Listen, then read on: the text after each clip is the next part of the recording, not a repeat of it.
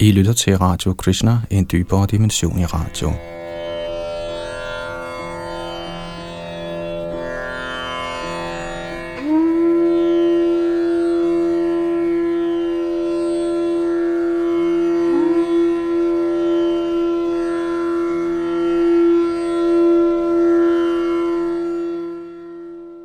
De af jer, der har fulgt med i vores gennemgang af Srimad Bhagavatam, ved, at vi er i gang med 10. bog, og i dag fortsætter vi med kapitel nummer 39.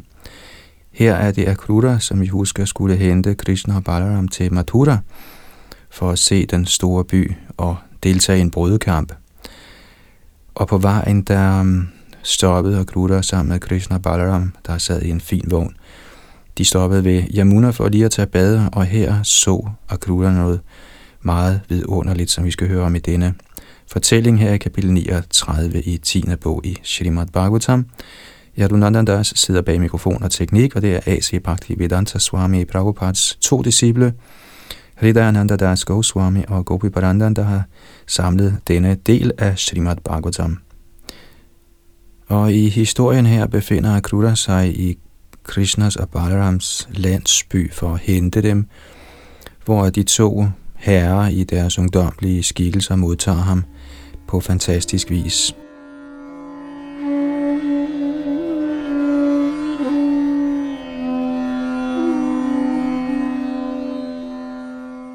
Tekst 1-6 Sukadev Goswami sagde, da han i den grad var blevet æret af Balaram og Krishna, følte Akruta, der sad behageligt i din sofa, at alle de ønsker, han havde haft i tankerne på vejen, nu var blevet opfyldt. Kære konge, hvad er uopnåeligt for den, som har tilfredsstillet guddommens højeste person? Der er lykkegudindens ly. Desuagtet ønsker de, som er videt til hans hengivende tjeneste, aldrig noget af ham. Efter aftensmaden spurgte Krishna Devagis søn Akrura om, hvordan kongens behandlede deres kære slægtninge og venner, og hvad kongens plan var. Den højeste herre sagde, kære noble onkel Akrura, var din rejse herover behagelig? Må alt godt held være med dig. Har vores venner og slægtninge, både nære og fjerne, det godt? Men, kære Akrura, så længe kong Kangs, denne vor families sygdom, man kalder vor onkel på mødrenes side, stadig trives, hvorfor skulle jeg endda ulejlige mig med at spørge, hvordan vores familiemedlemmer og hans øvrige undersåtter har det? Se blot, hvor meget lidelse jeg har forvoldt mine sagesløse forældre. På grund af mig blev deres sønner dræbt, og de selv smidt i fængsel. Kommentar. Fordi Kangs havde hørt en profeti om, at Devakis 8. søn ville slå ham ihjel, forsøgte han at dræbe alle hendes børn. Af samme årsag satte han hende og hendes mand Vasudev i fængsel.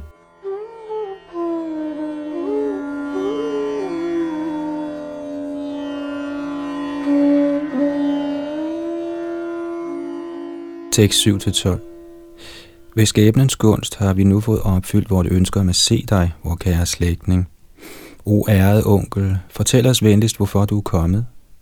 Sukadev Goswami sagde, som svar på den højeste herres spørgsmål, beskrev Akrura, Madhus efterkommer, hele situationen, inklusiv kong Kanses fjendtlighed mod jarduerne og hans forsøg på at myrde Vasudeva. Akrura formidlede det budskab, han var blevet sat til at overrække. Han beskrev også Kangsas hensigter, og hvordan Narada havde fortalt Kansa, at Krishna var blevet født som Vasudevs søn. Herren Krishna og herren Balaram, der besejrer heroiske modstandere, lå, da de hørte Akruras ord. Herrerne informerede da deres far, Nanda Maharaj, om kong Kangsas befaling. Nanda Maharaj udstedte da ordre til kohyrderne ved at få landsbybetjenten til at bekendtgøre følgende meddelelse over hele Nandas område i Vraja.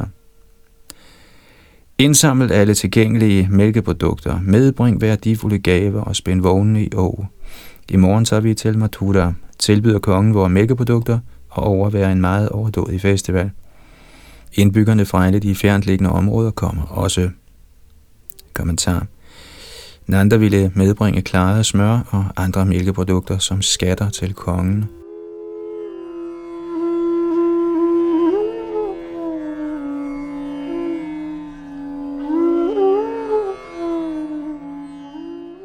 Tekst 13-15 Da de unge gopier hørte, at Akruta var kommet til Vraja for at hente Krishna og Balaram til byen, blev de meget ulykkelige.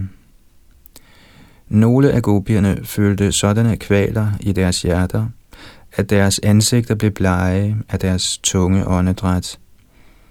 Andre blev så forpint, at deres tøj, armbånd og flætninger blev løsnet. Andre gopier hørte helt ene med alle sanseaktiviteter og blev fast forankret i meditation på Krishna. De mistede helt kontakten til den ydre verden, ligesom de, der opnår platformen af selvrealisation. Kommentar Gopierne var faktisk allerede på platformen af selvrealisation.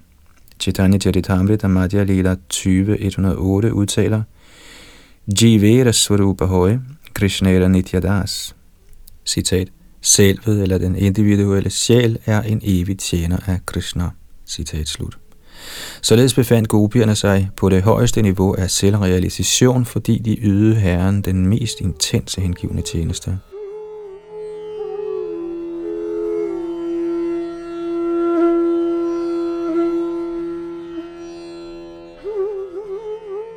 Tekst 16-21 Og igen andre unge kvinder besvimede ved blot at huske Herren Shodis, Krishnas ord. Disse ord, dekoreret med vidunderlige vendinger og udtryk med kærlige smil, rørte dybt de unge pigers hjerter. Gopierne var skræmt af udsigten til selv den mindste adskillelse fra herren Mukunda, så nu mens de huskede hans elegante bevægelser, hans tidsfordriv, hans kærlige, smilende blikke, Hans heltedåd og hans humoristiske ord, der plejede at forjage deres sorg, var de ude sig selv af angst ved tanken om den voldsomme adskillelse, der ventede. De samlede sig i grupper og talte med hinanden, og deres ansigter var dækket af tårer, og deres sind var helt opslugt af Achuta. Gopierne sagde, O skæbne, du har ingen barmhjertighed. Du bringer læmeliggjorte væsener sammen i venskab og kærlighed – og derpå skiller du dem følelsesløst ad, før de får deres ønsker opfyldt. Dette dit lunefulde spil er ligesom et barns leg. Du har vist os Mukundas ansigt, indrammet af mørke lokker og forskyndet af hans fine kinder, ophøjet næse og milde smil, der udraderer al elendighed. Og nu gør du det ansigt usynligt. Denne din opførsel er slet ikke god. O skæbne, selvom du kommer her med navnet Akrura, er du i virkeligheden grusom, for som en tåbe fjerner du det, du engang gav os. De øjne, med hvilke vi har set, selv i et enkelt af Herren Madhudvisas træk, fuldendelsen af hele din skabelse. Kommentar Gopierne gad ikke se noget andet end Krishna, så hvis Krishna forlod Vrindavan, havde deres øjne ingen funktion. Således gjorde Krishnas afrejse disse stakkels piger blinde, og i deres nød bebrejdede de akruter, hvis navn betyder ikke grusom, for at være netop grusom.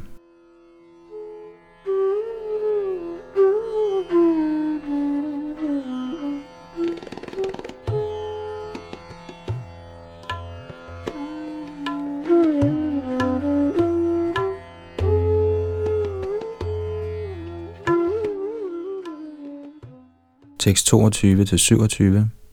Ak, Nandas søn, der bryder kærlige venskaber på et sekund, vil end ikke se direkte på os. Da han med magt bragte os under sin kontrol, forlod vi vores hjem, slægtninge, børn og mænd, kun for at tjene ham. Men han leder altid efter nye elskere. Daggryet efter denne nat vil så sandelig være lykkebringende for Matudas kvinder. Alle deres håb vil nu blive opfyldt, for som Vrajas herre kommer ind i deres by, vil de være i stand til fra hans ansigt at drikke gudedrikken af det smil, der udstråler fra hans øjenkroge. O gopier, selvom Bor Mukunda er intelligent og meget lydig mod sine forældre, når han først er faldet under fortryllelsen af de honningsøde ord fra Mathuras kvinder og blevet bedåret af deres lokkende, generede smil, hvordan kan han nogensinde vende tilbage til os simple landsbypiger? Når Bhodjerne, Andakarne, Vrishnierne og Sadvatarne ser Devakis søn i Mathura, vil de sandelig nyde en stor fest med deres øjne, ligesom de, der ser ham køre langs vejen til byen. Trods alt er han lykkegudindens øjesten og reservoiret for alle transcendentale kvaliteter. Han, som begår denne ubarmhjertige dåd, skulle ikke hedde Kruder. Han er så ekstremt grusom, uden selv at prøve på at trøste Vrajas sørgende indbyggere, tager han nu Krishna fra os, som vi elsker mere end selve livet. Den hårdhjertede Krishna har allerede sat sig i vognen, og nu skynder de tåbelige kohørter sig efter ham i deres oksekære. Selv de ældre siger intet for at stoppe ham. I dag er skæbnen imod os. Kommentar Shrila Shridhar Swami afslører, hvad gopierne tænkte. Citat. Disse tåbelige kohørter og ældre prøver ikke engang at stoppe Krishna. Fatter de ikke, at de begår selvmord? De hjælper Krishna med at komme til Mathura. Men de bliver nødt til at vende tilbage til Vrindavan, og vi afgjorde dø i hans fravær. Hele verden er blevet skør. Citat slut.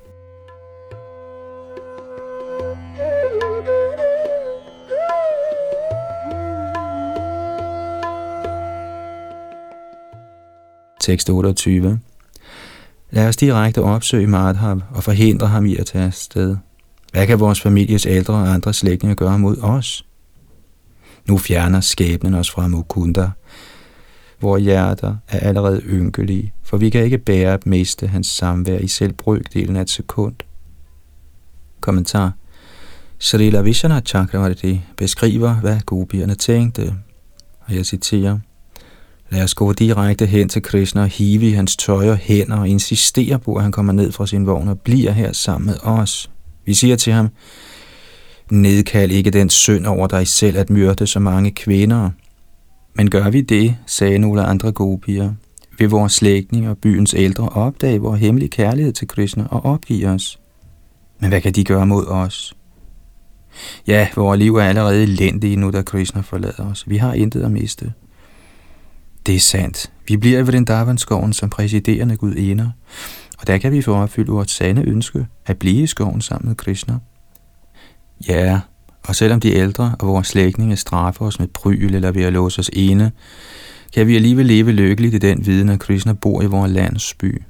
De er vores veninder, der ikke er låst inde, vil behendigt finde ud af, hvordan de kan bringe os levninger af Krishnas mad, og så kan vi opretholde livet. Men hvis ingen stopper Krishna, vil vi afgjort dø. Citat slut.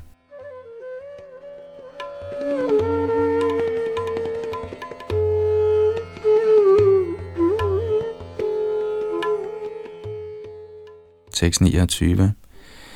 Når han hentede os til Rasa-dansens forsamling, hvor vi nød hans kærlige og henrivende smil, hans fornøjelige, hemmelige samtaler, hans lejende blikke og hans omfavnelser, tilbragte vi mange nætter, som var de kun et øjeblik. O gode piger, hvordan kan vi på nogen måde komme igennem det uoverstigelige mørke i hans fravær? Kommentar. For gopierne var lang tid i Krishnas nærvær kun som et øjeblik, og et enkelt øjeblik i hans fravær virkede som meget lang tid.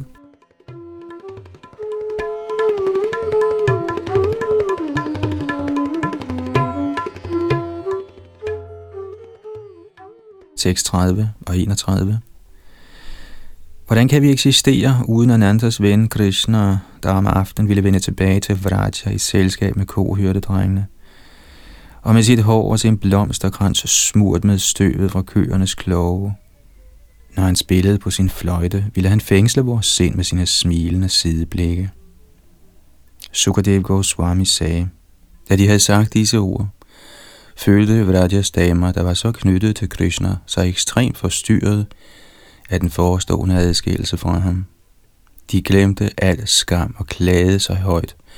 O Govinda, O Damodar, O Madhav. Kommentar. I lang tid havde gopierne omhyggeligt skjult deres ægteskabelige kærlighed til Krishna, men nu, da Krishna forlod dem, var gopierne så ulykkelige, at de ikke længere var i stand til at skjule deres følelser.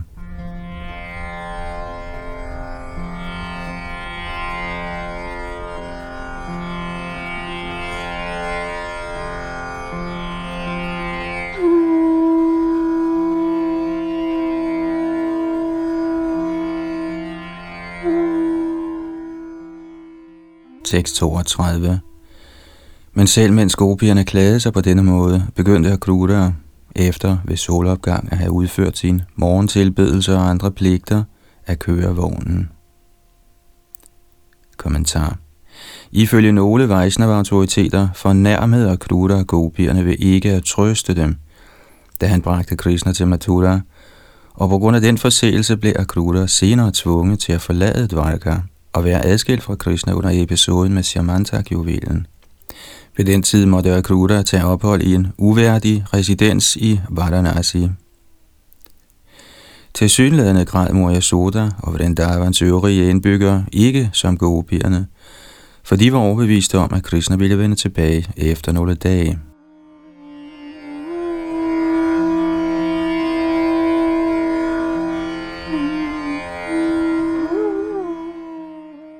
Tekst 33 til 38 Anført af Nanda Maharaj fulgte kohørterne efter herren Krishna i deres kære.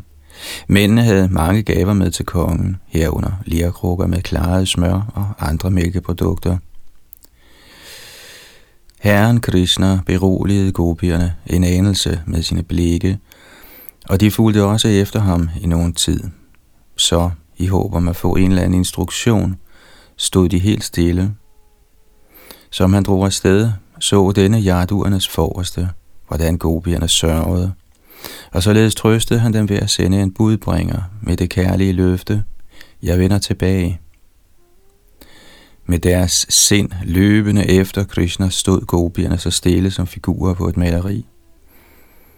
De blev stående der, så længe de kunne se flaget på toppen af vognen, og endda indtil de ikke længere kunne se støvskyen fra vognhjulene. Gopierne gik der hjem, uden håb om, at Govinda nogensinde ville vende tilbage til dem. Fulde af sorg begyndte de at tilbringe deres dage og nætter med at synge om deres elskers tidsfordriv.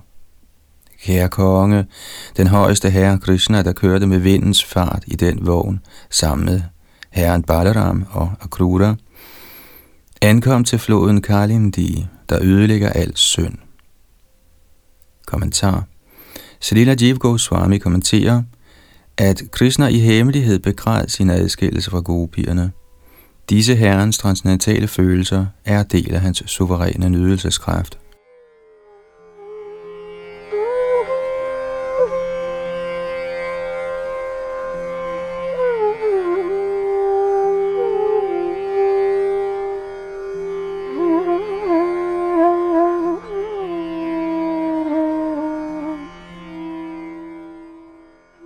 Tekst 39-55.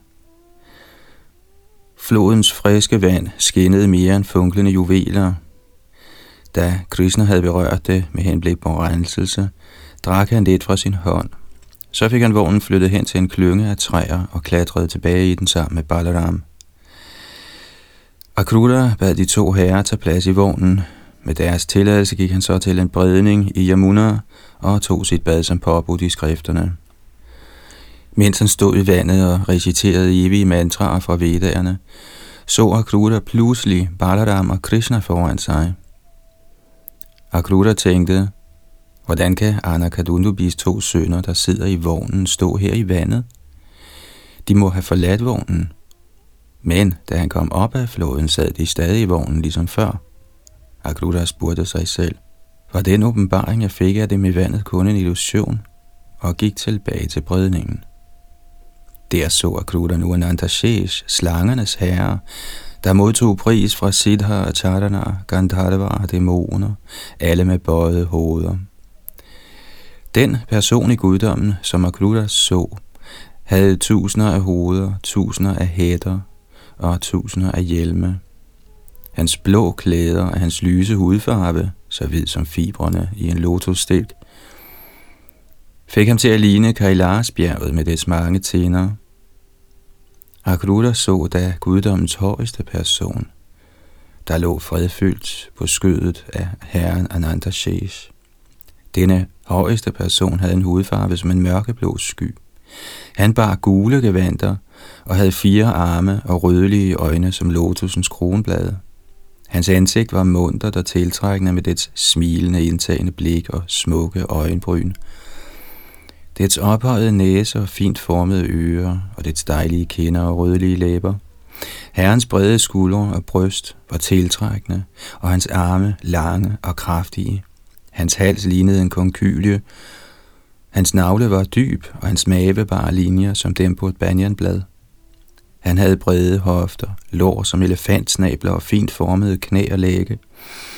Hans ophøjede ankler genspejlede den skinnende stråleglans, der udstrålede fra neglene af hans blomsterlignende tager, der forskyndede hans lotusfødder.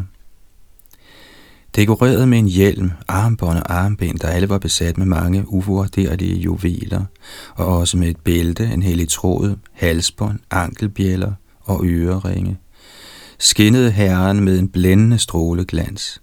I en hånd havde han en lotusblomst, i de øvrige en konkylie, diskos og kølle. Hans bryst brydes af Shrivata-tegnet, den strålende kausthuberjuvel og en blomsterkrans. Tilbedende og omgivende herren var Nanda, Sunanda og hans øvrige personlige tjenere, Sanak og de andre Kumaraer, Brahma, Rudra og de øvrige førende halvguder, de ni ledende brahminer og de forreste af de hellige hengivne anført af Prahlad, Narad og Uparicharvasu. Hver af disse store personligheder tilbad Herren ved at synge hellige ord i forherligelse på deres egen unikke måde. I hans personlige tjeneste var også Herrens hovedsagelige indre kræfter, Shri, Pushti, Gir, Kanti, Kirti, Tushti, Ida og Urja, såvel som hans materielle kræfter, Vidya, Avidya og Maya, og hans indre nydelseskraft, Shakti. Kommentar Shrita Vishwanath Chakravarti forklarer herrens kræfter, der nævnes i disse vers. Citat. Shri er energien for overflod, Pushti, styrke, Gir, kundskab, Kanti, skønhed, Kirti, berømmelse, og Dushti, forsagelse. Disse er herrens seks overdådigheder. Ila er hans Bhushakti, også kendt som Sandhini, den indre kraft, af hvilken jorden er en ekspansion. Urja er hans indre kraft til udførelse af tidsfordriv. Hun udvider sig i form af tulsiplanten i denne verden. Vidya og avidya, viden og uvidenhed, er ydre kræfter, der henholdsvis forårsager de levende væseners udfrielse og trældom. Shakti er hans indre nydelseskraft, Ladini, og Maya er en indre kraft, der er grundlaget for Vidya og Avidya. Ordet cha angiver tilstedeværelsen af herrens marginale energi, Jiva Shakti, der er underordnet Maya. Herren Vishnu blev tjent af alle disse læmeliggjorte energier. Citat slut.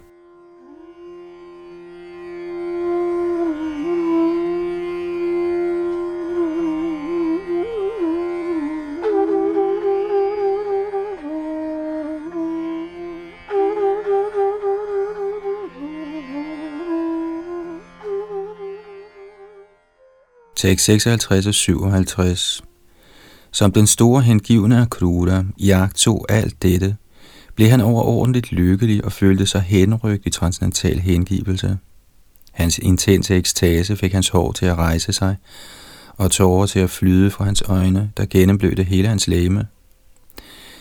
Ved på en eller anden måde at berolige sig selv, bøjede Kruda sit hoved til jorden. Så foldede han sine hænder og med en stemme, grådet kvalt af følelser, begyndte han meget langsomt og opmærksomt at bede.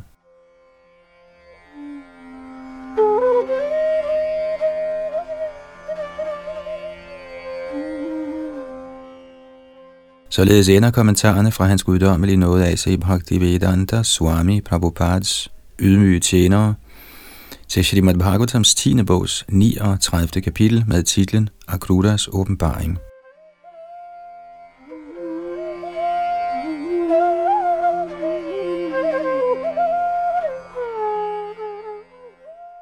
Kapitel 40 Akrudas bønder Tekst 1-3 Shri Akrudas sagde, Jeg bøjer mig dybt for dig, alle årsagers årsag, den oprindelige og udtømmelige højeste person, Narayana. Fra vindingen i den lotus, der blev født fra din navle, viste Brahma sig, og ved hans mellemkomst er dette univers blevet til. Jord, vand, ild, luft, æder og dets kildefalsk ego ego – Mahatattva, den samlede materielle natur, hendes kilde, den højeste herres Purus ekspansion, sindet, sanserne, sanseobjekterne og sansernes præsiderende guddomme. Alle disse årsager til den kosmiske manifestation bliver født fra dit transcendentale læme. Den samlede materielle natur og skabelsens øvrige elementer kan umuligt kende dig, som du er, for de bliver udtrykt i den sløve materies verden. Siden du er hinsides naturens kvaliteter, kender selv ikke Brahma, der er uløseligt forbundet med disse kvaliteter, din sande identitet.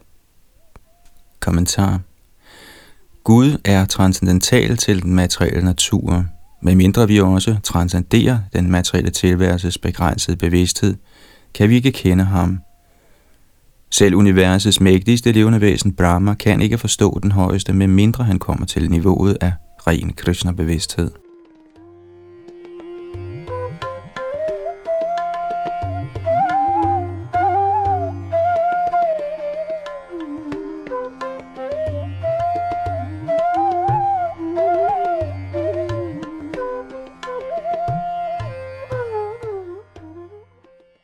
Tekst 4 og 5 Rene yogier tilbyder dig, guddommens højeste person, ved at opfatte dig i den trefoldige skikkelse, der består af de levende væsener, de materielle elementer, der udgør de levende væseners lemmer og disse elementers kontrollerende guddomme.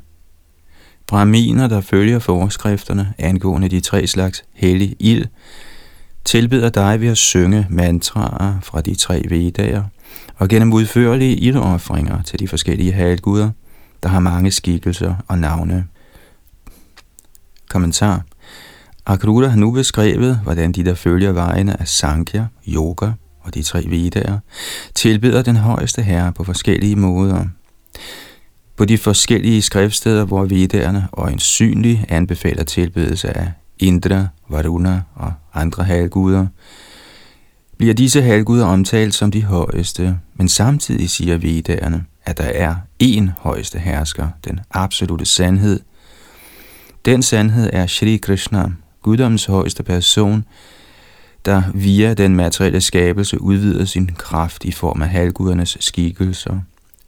Således går tilbedelse af halvguder til ham gennem den indirekte metode af karma kanda eller resultatorienterede religiøse ritualer.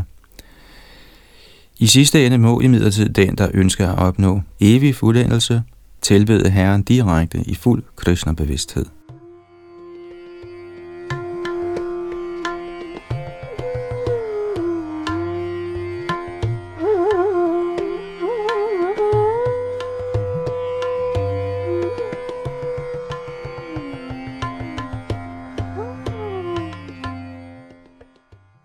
Tekst 6. I jagt på åndelig kundskab og visse personer alle materielle handlinger, og således fredfyldte udfører de den filosofiske udforskningsoffer i tilbedelse af dig, al videns oprindelige form. Kommentar Moderne filosofer går efter kundskab uden at gøre sig den ulejlighed at tilbede guddommens højeste person, og således sidder de naturligt tilbage med tønde, om ikke ligegyldige resultater.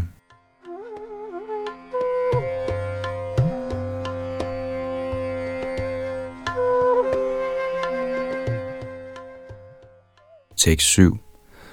Og andre igen, de hvis intelligens er ren, følger formaningerne i Vaishnav-skrifterne, som du har forkyndt. Med deres sind fordybet i tanker på dig, tilbeder de dig som den ene højeste herre, der viser sig i mangfoldige skikkelser.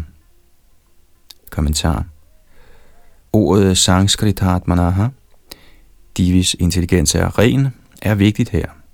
Det lader forstå, at de før omtalte tilbedere ikke til fulde har renset deres intelligens for materiel forurening, og således tilbeder Herren indirekte. De, som imidlertid er renset, tilbeder Herren direkte, enten som guddommens højeste person, Krishna, eller som en af hans fuldstændige skikkelser, såsom Vasudev, Sankarashan, Pradyumna eller Aniruddha, som udtrykt her.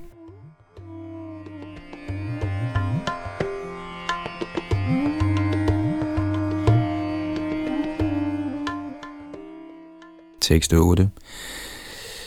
Der er endda andre, der tilbyder dig den højeste herre i skikkelse af herren Shiva.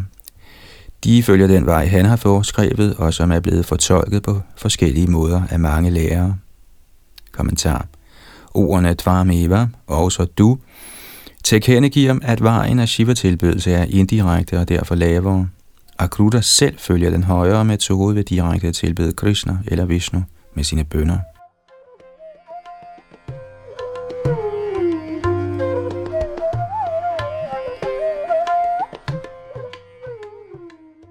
Tekst 9.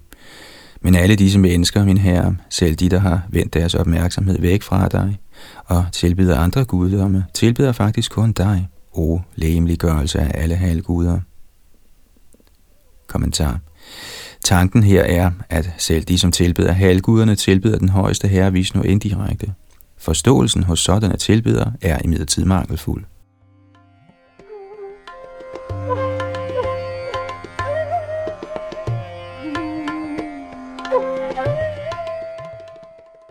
Tekst 10 Ligesom floder, der fødes fra bjergene og fyldes op af regnen, alle flyder ud i havet, når alle disse veje i sidste ende dig, o mester.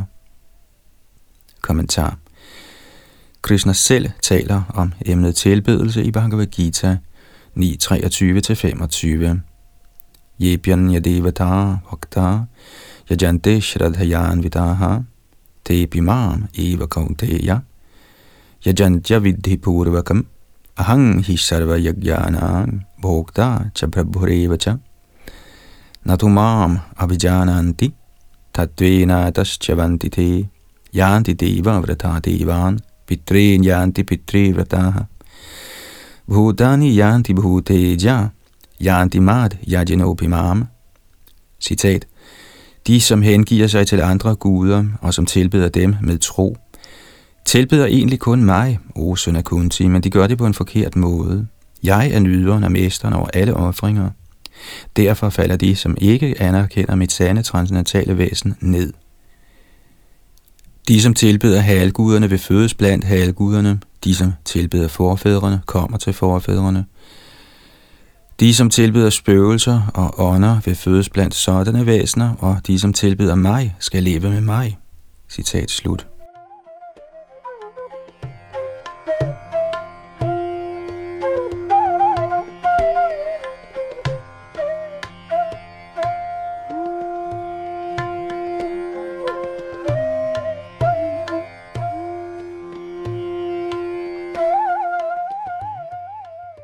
Tekst 11-18. Godhed, lidenskab og uvidenhed, kvaliteterne i din materielle natur, indvikler alle betingede levende væsener fra Brahma ned til de ubevægelige skabninger. Jeg viser min erbødighed for dig, der som alle væseners højeste sjæl bevidner alles bevidsthed med fordomsfrit udsyn. Strømmen af dine materielle fremtrædelsesformer, frembragt af uvidenhedens kraft, er stærk blandt de levende væsener, der antager identiteter som halvguder, mennesker og dyr. Ilden siges at være dit ansigt, jorden dine fødder, solen dine øjne og æderen din navle. Retningerne er din høresans, de førende halvguder dine arme og oceanerne din mave. Det himmelske rige siges at være dit hoved, og vinden din vitale luft og fysiske styrke. Træerne og planterne er hårene på din krop, Skyerne, håret på dit hoved, og bjergene, dine knogler og negle. Dagens og nattens gang er dine øjnes blinken. Menneskehedens forfædre, dine kønsdele og regnen din sæd. Alle verdener med deres herskende halvguder og myldrende befolkninger udspringer fra dig, guddommens udtømmelige højeste person. Disse verdener rejser med dig, grundlaget for sindet og sanserne, ligesom havdyr svømmer i havet, eller små insekter borer sig ind i en udumbara-frugt. For at nyde dine tidsfordriv, viser du dig i forskellige skikkelser i denne materielle verden, og disse inkarnationer fjerner al ulykke for dem, der lystigt synger din pris. Jeg viser min erbødighed til dig, skabelsens årsag, Herren Matja, der svømmede rundt i opløsningsocean, til herren har jeg gribe, Madhus og Kaitabas banemænd. Til den enorme skildpadde, Kurma, der støttede Mandra-bjerget. Til vildsvin-inkarnationen, Varaha, der nød at løfte jorden. Kommentar Vishvakosh, ordbogen, udtaler, at ordet Akuparaya angiver skildpaddernes konge.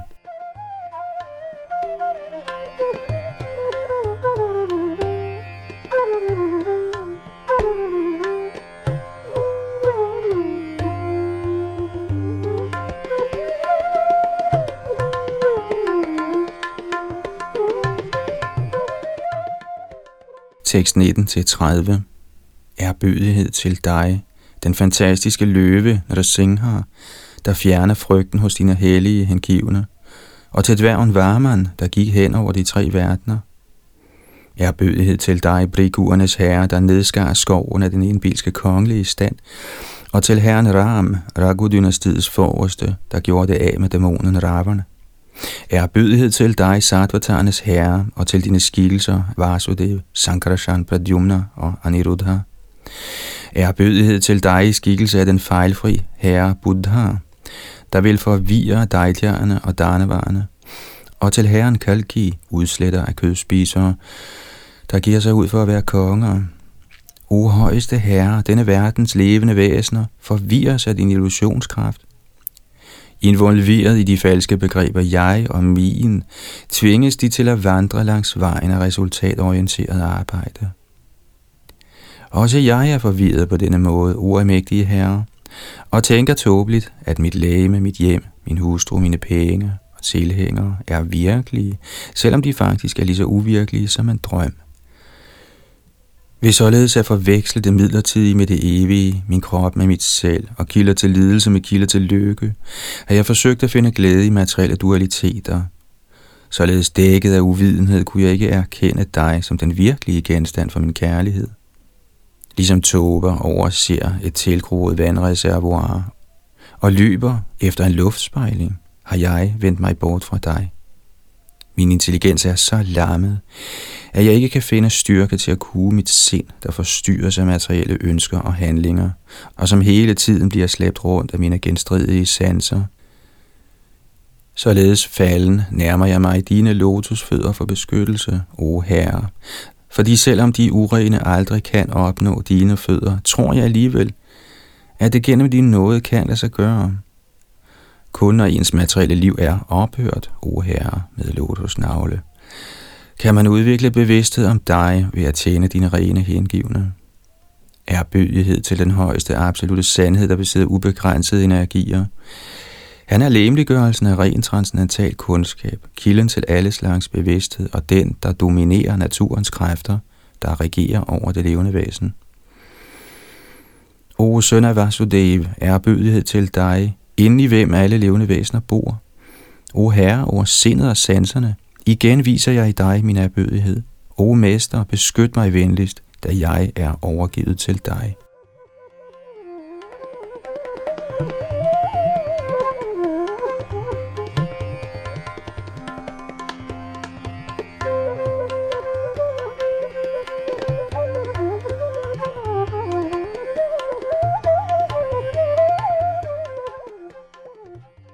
Således ender kommentarerne fra hans guddommelige nåde, A.C. Bhaktivedanta Swami Prabhupads ydmyge tjenere, til Srimad Bhagavatams 10. bogs 40. kapitel med titlen Akrutas bønder.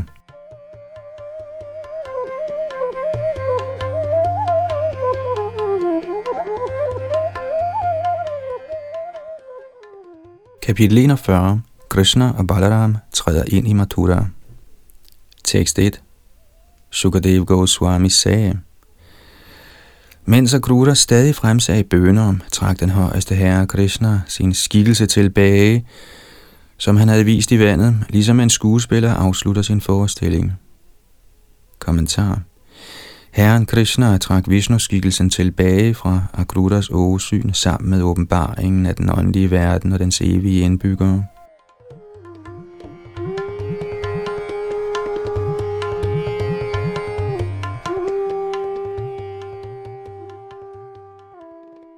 Tekst 2-5 Da Akrura så åbenbaringen forsvinde, kom han op af vandet og afsluttede hurtigt sine forskellige rituelle pligter.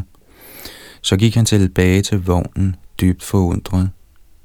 Krishna spurgte Akrura, Har du set noget vidunderligt på jorden, i luften eller i vandet? Vi synes, du ser ud som om du har.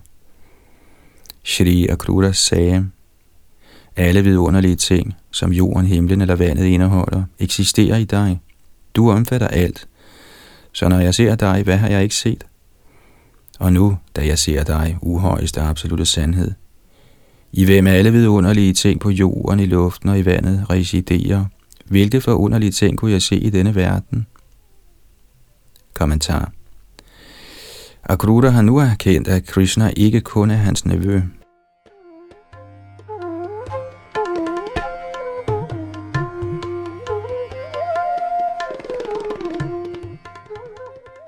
Tekst 6-8 Med disse ord begyndte Akruta, søn af Gandhini, at køre vognen videre. Sidst på dagen ankom han til Mathura med herren Balaram og herren Krishna. Hvor end de kom langs vejen, o konge, kom landsbyfolkene frem og så på Vasudevs to sønner med stor nydelse. Faktisk kunne de ikke tage øjnene fra dem. Nanda Maharaj og Vrindavans øvrige beboere, der nåede frem til Mathura før vognen, var stoppet i en park i udkanten af byen for at vente på Krishna og Balaram. Kommentar Nanda og de andre nåede frem til Mathura først, fordi vognen med Krishna og Balaram var forsinket på grund af Akrutas bad.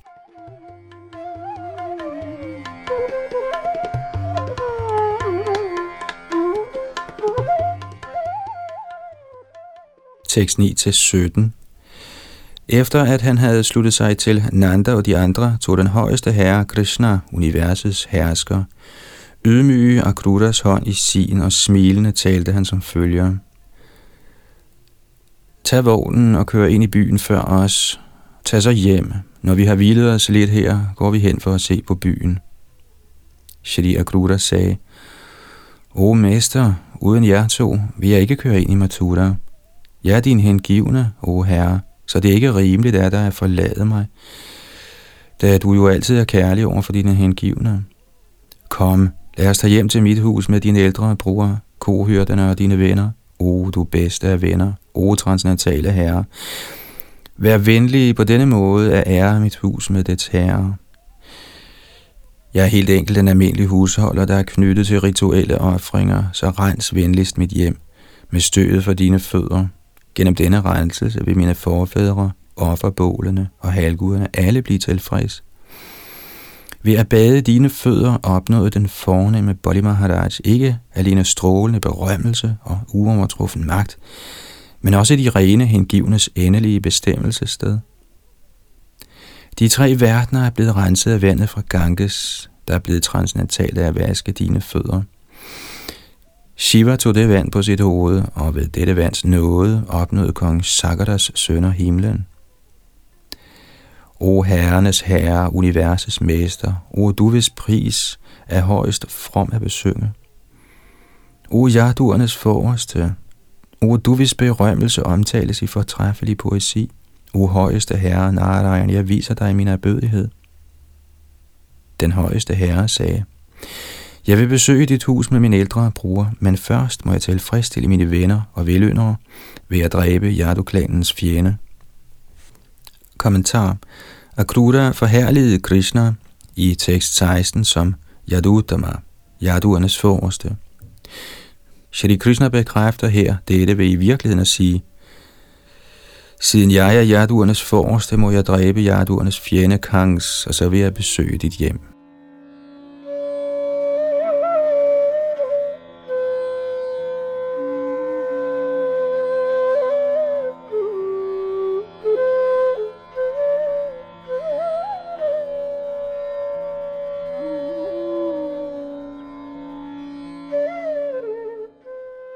Tekst 18-23.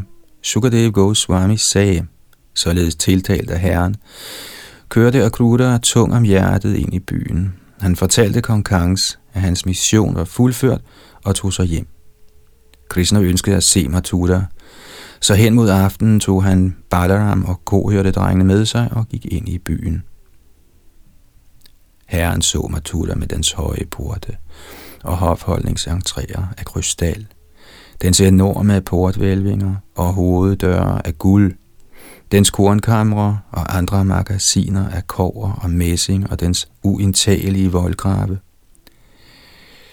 Byen blev forskyndet af dejlige haver og parker. De store vejkryds var lavet af guld, og der var palæer med private forlystelseshaver til lige med gildehuse og mange andre bygninger. Mathura genlød med lydene fra påfugle og turtelduer, der sad i gittervinduernes små åbninger og på de juvelbesatte gulve, og også på søjlebalkongerne og på de udsmykkede loftbjælker foran husene. Disse balkonger og bjælker var smykket med vejduria-sten, diamanter, krystalkvarts, safirer, koral, perler og smaragder. Alle de kongelige boulevarder og forretningsgader var stænket med vand, til lige med sidegaderne og gårdspladserne, og blomsterkranse, nye skud, brændte korn og ris lå spredt over det hele.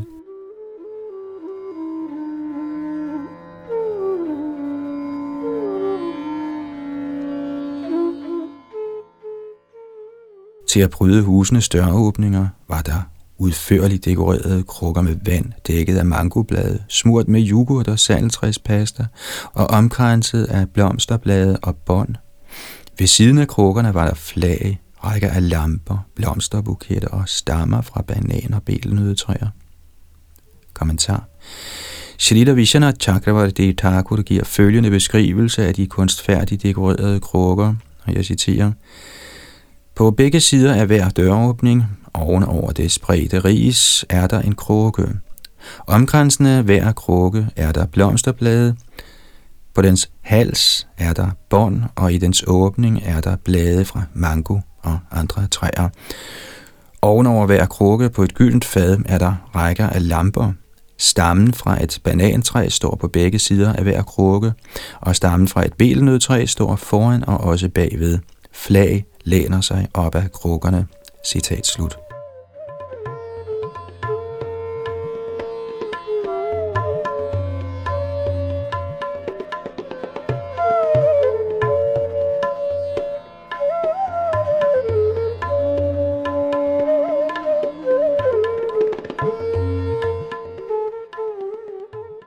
Tekst 24 25 Madhuras kvinder samlede sig hurtigt og gik hen for at se Vasudevs to sønner, da de kom ind i byen af den kongelige vej, omgivet af deres kohørte venner. Nogle af kvinderne, kære konge, klatrede ivrigt op på deres hustag for at se dem. Nogle af kvinderne tog deres tøj og smykker på omvendt. Andre glemte den ene af deres øreringe eller ankelbjæller, og igen andre kom sminke på det ene øje, men ikke det andet. Kommentar Damerne var meget ivrige efter at se Krishna, og i deres fortravlede ophidselse glemte de sig selv.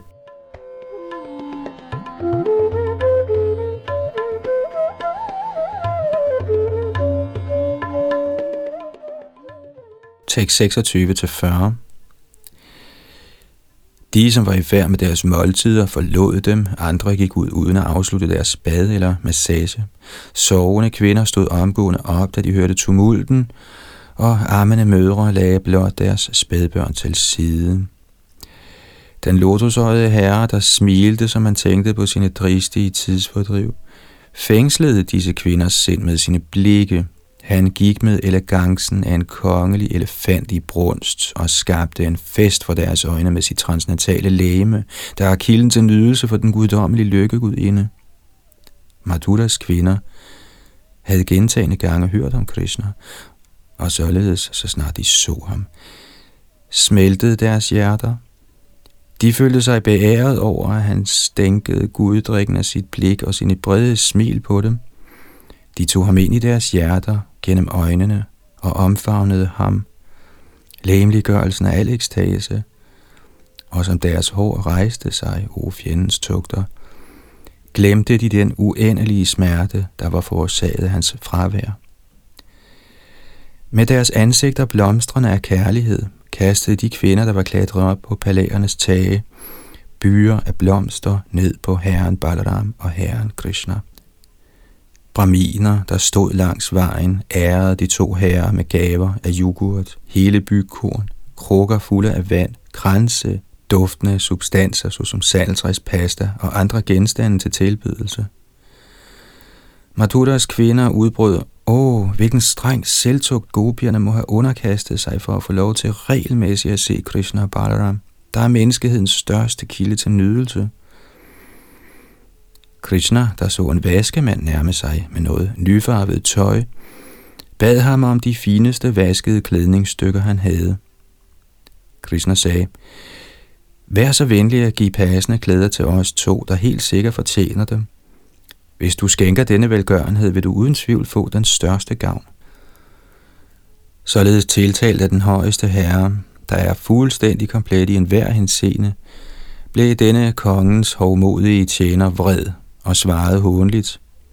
I uforskammede drenge, I plejer at flakke om på bjergene og i skovene, og alligevel våger I at iføre jer klæder som disse. Det er kongens ejendom, I beder om. Fjol, så ser jeg væk i en fart. Lad være med at tække på denne måde, hvis livet er jer kært. Når nogen er for fræk, arresterer kongens mænd ham, slår ham ihjel og tager alle hans besiddelser. Da vaskemanden talte så skamløst, blev Devakis søn vred, og alene med sine fingerspidser skilte han mandens hoved fra kroppen. Alle vaskemandens hjælpere tabte deres bunker af tøj, og flygtende ned ad vejen spredte de sig i alle retninger. Krishna tog der tøjet. Krishna og Balaram iførte sig nogle klædningsstykker, de især kunne lide, og så delte Krishna det overskydende tøj ud blandt kohørte drengene, og lod noget af det ligge spredt på jorden.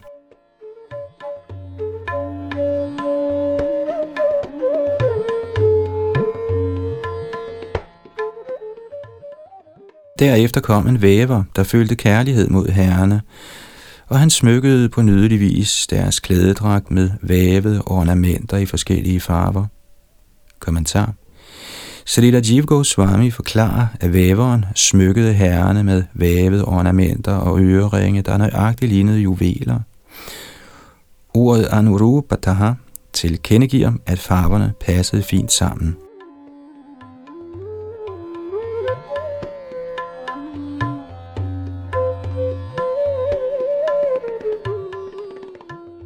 Tekst 41 til 52. Krishna og Balaram så strålende ud, hver med sin egen unikke, vidunderligt ornamenterede dragt.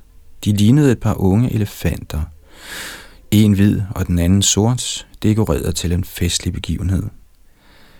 Tilfreds med væveren gav den højeste herre Krishna og Balaram ham den velsignelse, at han efter døden ville opnå den befrielse at få en skikkelse ligesom herrens, og at han i sin tid i denne verden ville nyde suveræn rigdom, fysisk styrke, indflydelse, hukommelse og sanselig vitalitet. De to herrer gik så hen og besøgte blomsterkransmageren Sudamas hus. Da Sudama så dem, stod han omgående op og bøjede sig derpå ned med hovedet mod jorden. Efter at have tilbudt dem sidepladser og badet deres fødder, tilbad Sudama dem og deres venner med argya, blomsterkranse, paren, sandtræspasta og andre gaver. Sudama sagde, O herre, min fødsel er nu helliggjort og min familie fri for urenhed.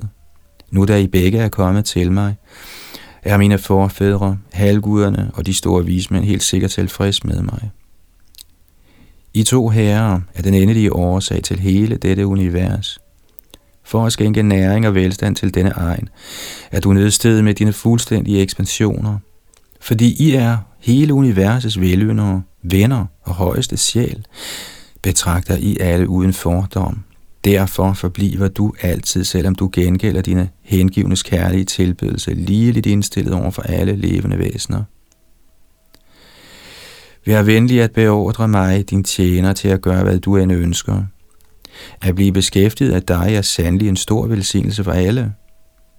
Sukadev Goswami fortsatte. O, du bedste af konger, da han havde sagt dette, forstod Sudama, hvad Krishna Balaram ønskede. Med stor glæde gav han dem således blomsterkranse af friske, duftende blomster.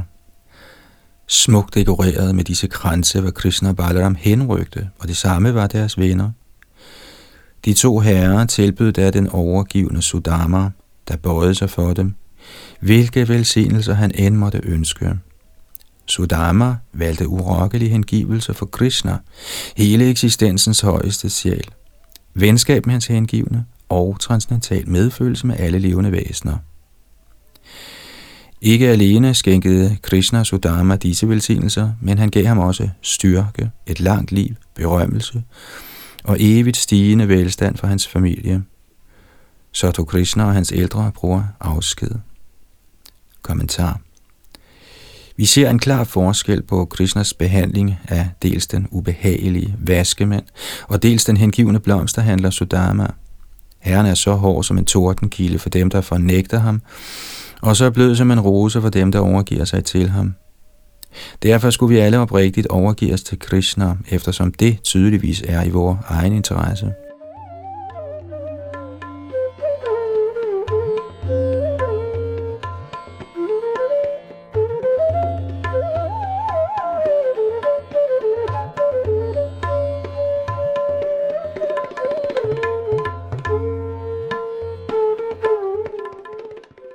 Således ender kommentarerne fra hans guddommelige nåde, A.C. Bhaktivedanta Swami Prabhupads ydmyge tjenere, til Srimad Bhagavatams 10. bogs 41. 20. kapitel med titlen Krishna og Balaram træder ind i Mathura. Her slutter vi også dagens oplæsning fra Srimad Bhagavatam. Næste gang kapitel 42, der hedder Offringsbuen knækkes. Det var Yadunandandas bag mikrofon og teknik, og det var altså Shalila Prabhupads to disciple, Hridayanandadas Goswami og Gopi Parandandas, der med hjælp fra Shalila Prabhupada de tidligere mestre har oversat og kommenteret denne del af Srimad Bhagavatam.